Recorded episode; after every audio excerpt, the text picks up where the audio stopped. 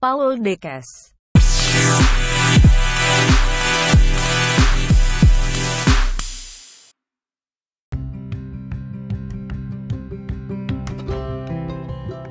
Sebelum kita membahas soal, mohon perhatikan eh, nama-nama berikut. Jadi nama-nama yang sebutkan ini beserta nomornya. Nanti kalian akan melakukan konfirmasi di kolom komentar sebagai tanda bahwa kalian sudah menyimak rekaman ini ya. Oke, saya ulang lagi nanti berdasarkan nomor ada nama-nama yang sebutkan untuk memberikan konfirmasi. Contoh misalkan nomor satu namanya Nurul. Nah, saya bahas soalnya nomor satu. Nah, nanti ketika udah selesai dibahas, itu dikonfirmasi oleh nomor tadi Nurul tadi. Tadi jawabannya apa? Ya, oke. Untuk nomor satu itu nanti akan dikonfirmasi oleh Adrian Barnabas sama Anindita. Anindita Larasati sama Adrian Barnabas. Untuk nomor 2, Noval Akil sama Andiana. Nomor 3, Widya Ayu sama Catalina. Kemudian nomor 4, Noval Farel sama Cindy Wen. Nomor 5, Stephen Gabriel sama Cut Moira. Nomor 6, Jericho dan Farjana. Nomor 7 Fiona dan Felicia. Nomor 8 Natasha Gita Pertiwi. Natasha dan Gita Pertiwi. Nomor 9 Nares dan Harley. Nomor 10 Nabilah dan Kania. Nomor 11 Alvin dan Rachel. Nomor 12 Michelle dan Marina. Nomor 13 Muhammad Mufti. Sama Marsanda Salom. Nomor 14 Maulana Atar. Nomor 15 Hafiz sama Gilang.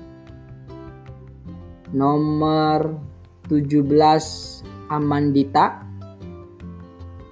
nomor 18 Kevin Christian nomor 19 Alia Alisa Rahmadiasti.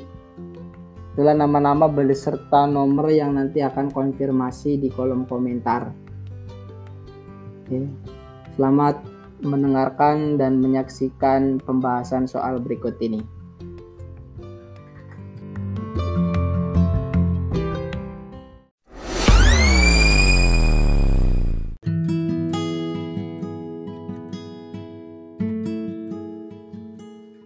Apa kabar?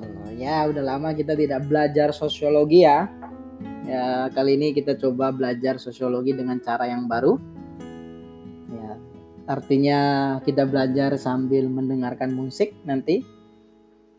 Ya, saya minta kalian untuk membuka buku paket sosiologi kelas 11 Yad Mulyadi. Ya, sosiologi kelas 11 Yad Mulyadi Silakan buka halaman 141. Ya, nanti dalam pembahasan kali ini saya akan membacakan soal dan jawabannya berikut dengan penjelasannya untuk kalian latihan. Kemudian ya diselingin oleh lagu-lagu uh, ya lagunya seadanya ya. Kalau mau request silakan DM atau chat saja ke saya Udah dibuka halaman 141. Baik. Kita mulai saja. Ya. Nomor satu, konflik sosial merupakan salah satu bentuk. Ya, jadi dalam hal ini konflik itu adalah merupakan sebuah proses sosial. Ya, artinya proses sosial itu dalam masyarakat pasti kita ditemukan sebuah konflik. Jadi jawabannya adalah B. Nomor dua, proses terjadinya konflik didahului oleh gejala sosial yang disebut. Nah, jadi pertamanya itu adalah adanya sebuah kontravensi. Apa itu kontravensi? Kontravensi adalah desas-desus atau e, perilaku saling membenci tanpa ditunjukkan secara langsung. Itu adalah proses dari kontravensi. Nomor tiga, pada umumnya konflik sosial bersifat merusak tatanan kehidupan sosial, akan tetapi ada juga konflik yang bersifat membangun. Nah, di sini disebut apa nih? Ya. Nah, kalau yang merusak itu disebut destruktif. Sedangkan berarti kalau yang membangun adalah konstruktif. Jawabannya adalah E. 4. Konflik SARA SARA itu termasuk suku, agama, ras, dan antar golongan yang terjadi di Indonesia ditanggulangi melalui pihak yang berwenang seperti pemerintah dan DPRD setempat. Penyelesaian konflik semacam ini disebut, nah jadi dalam hal ini ini namanya proses penyelesaian konflik ya. Jadi konflik itu ada konsiliasi, arbitrasi, mediasi, kompromi, adjudikasi. Nah, kalau di sini ada pihak-pihak yang berwenang kemudian ditemukan, berarti jawabannya adalah konsiliasi. ya, jawabannya adalah konsiliasi. Jadi mempertemukan pihak-pihak yang bertikai. Kalau arbitrasi itu adanya pihak ketiga, di mana pihak ketiga ini memberikan sebuah keputusan atau mengikat.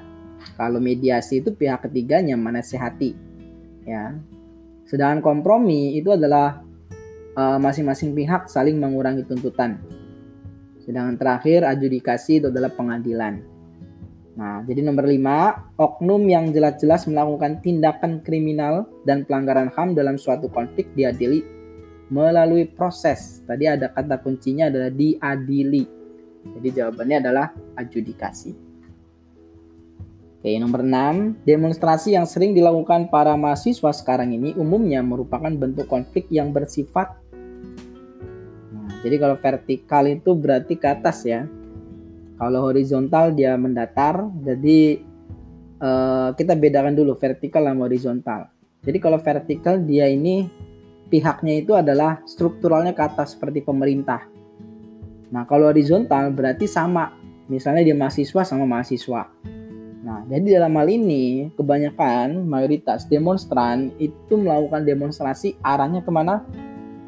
Arahnya ke bersifat vertikal ya ke pemerintah ya. Oke, tujuh perhatikan gambar berikut ini. Nah, di sini ada beberapa gambar yang merupakan situasi konflik adalah Nah, jadi yang nomor 5 itu perhatikan dia atas dan bawah saling bertemu bertabrakan.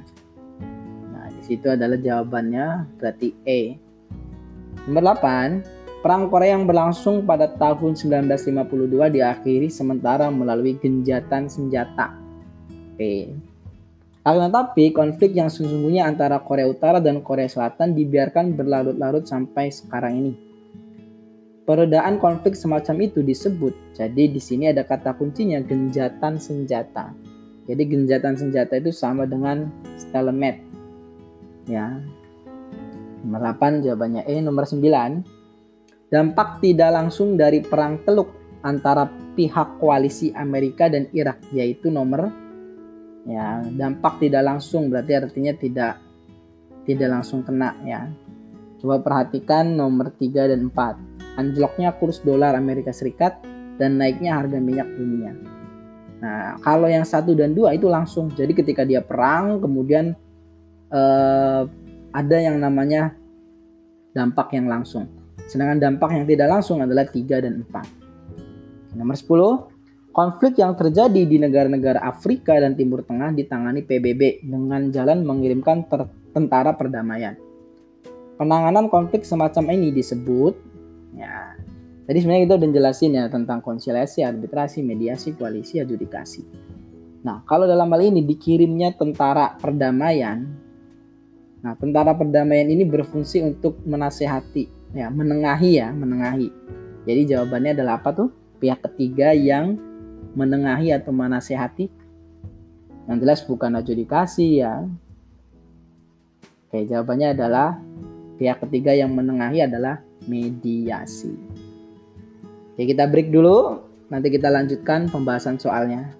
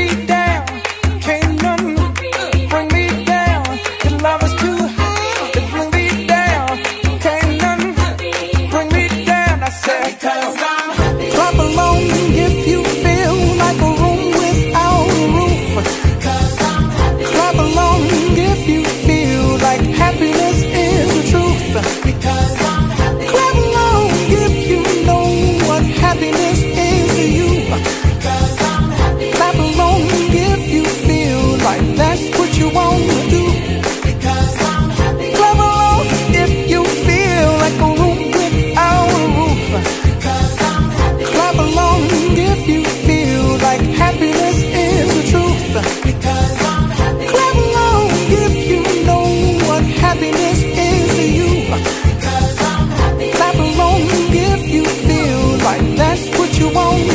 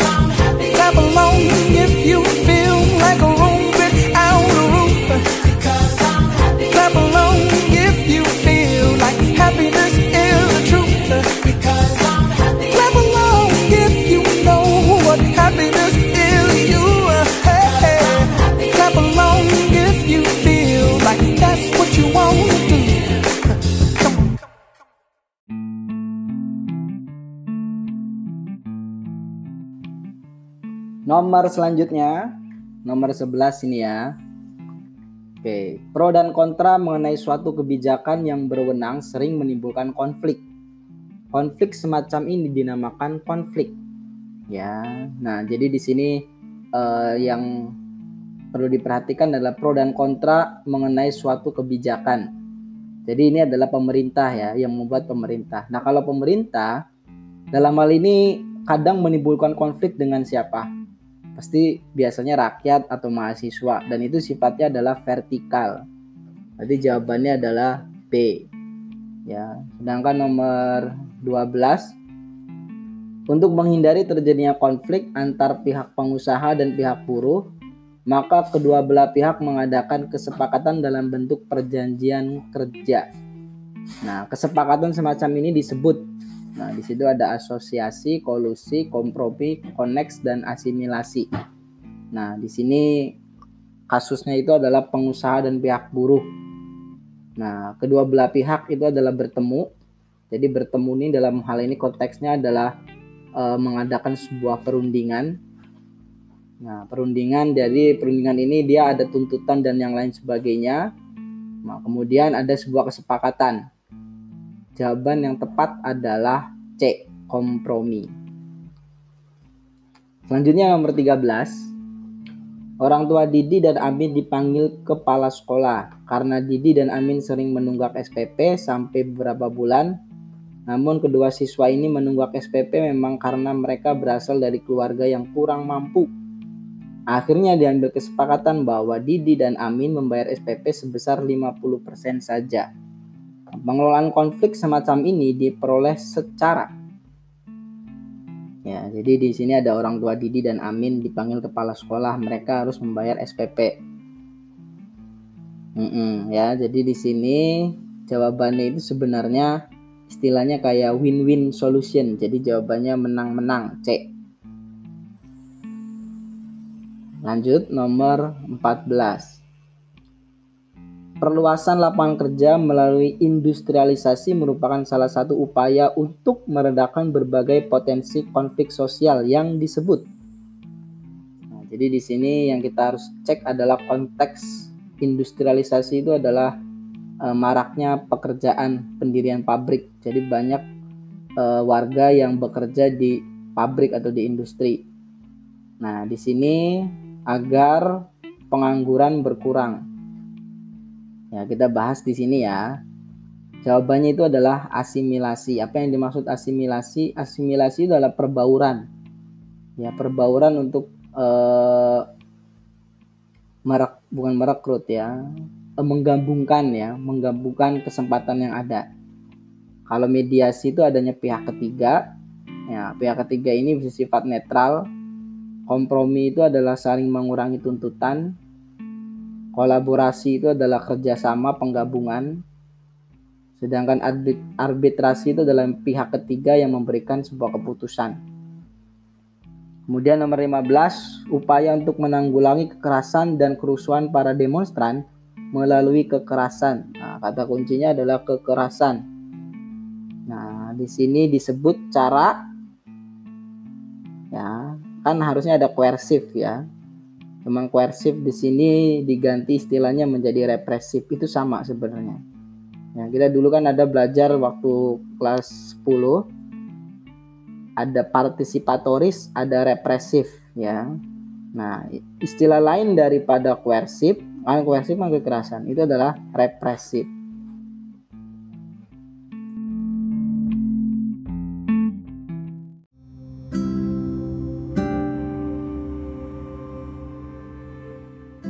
Nomor 16 penyelesaian konflik melalui meja hijau disebut meja hijau itu pengadilan ya.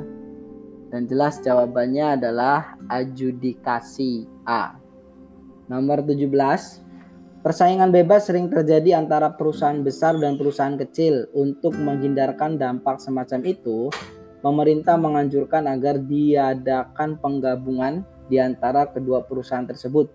Nah, kata penggabungan ini uh, sama halnya dengan istilah kolaborasi. Jawabannya C.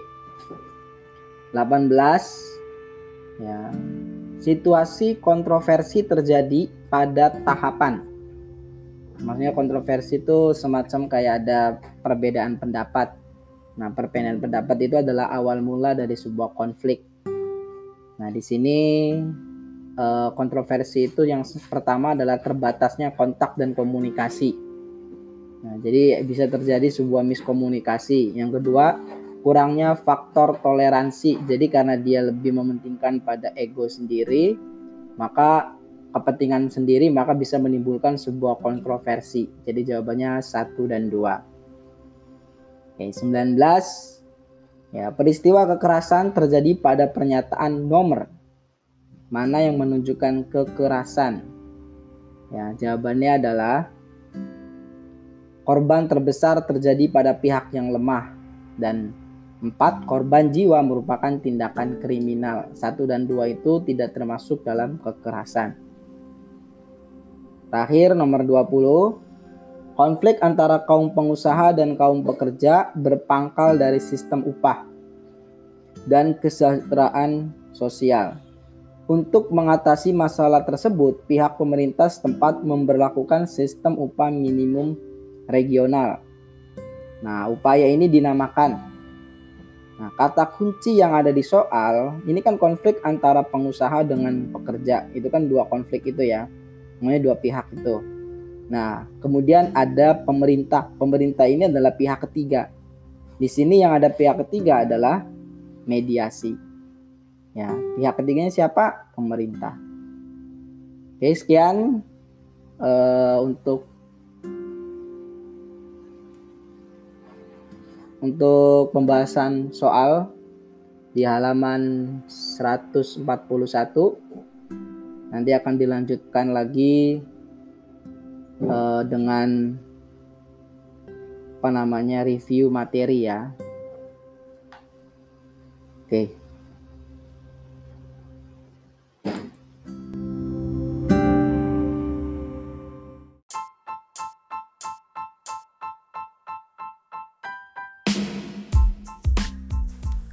Saya Paul dengan narasumber kecil saya. Nama kamu siapa?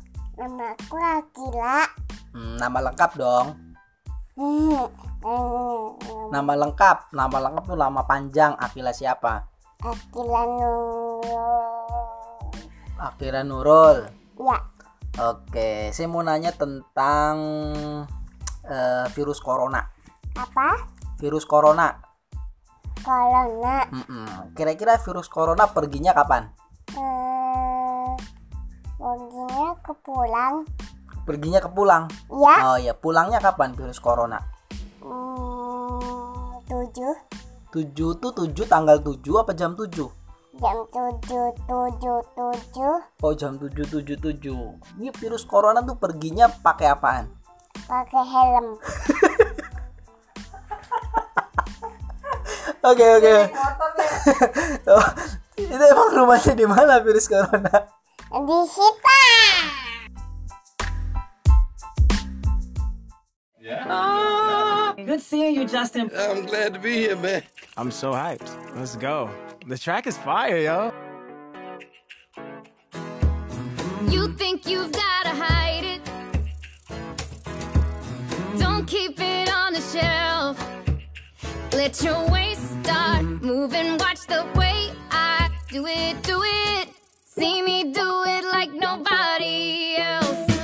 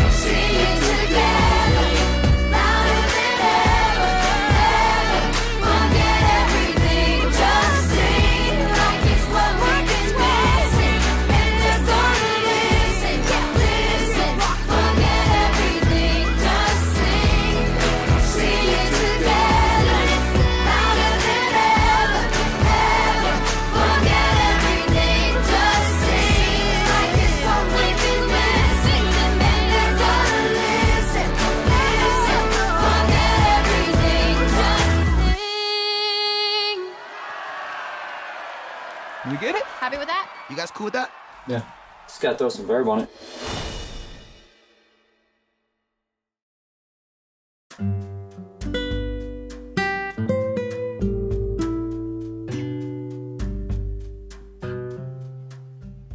Sebelum kita tutup, kita review materi dulu ya.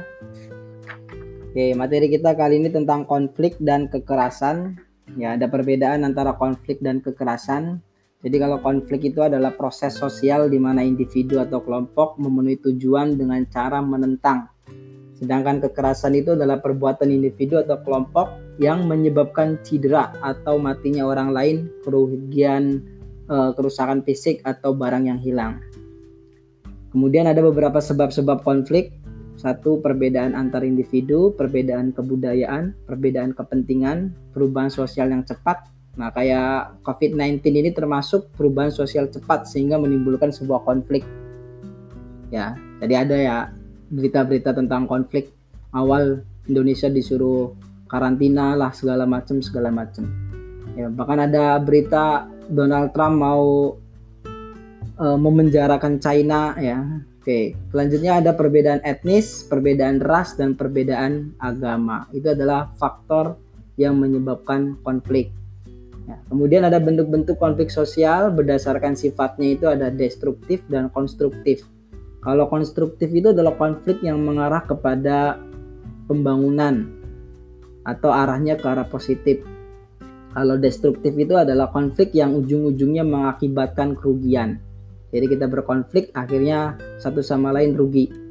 Nah, contohnya dari destruktif itu adalah konflik yang di Ambon, Dayak, ya itu adalah destruktif. Kalau yang konstruktif itu misalnya kayak demo mahasiswa ya, yang tidak sesuai dengan kebijakan pemerintah, protes, nah itu termasuk konstruktif.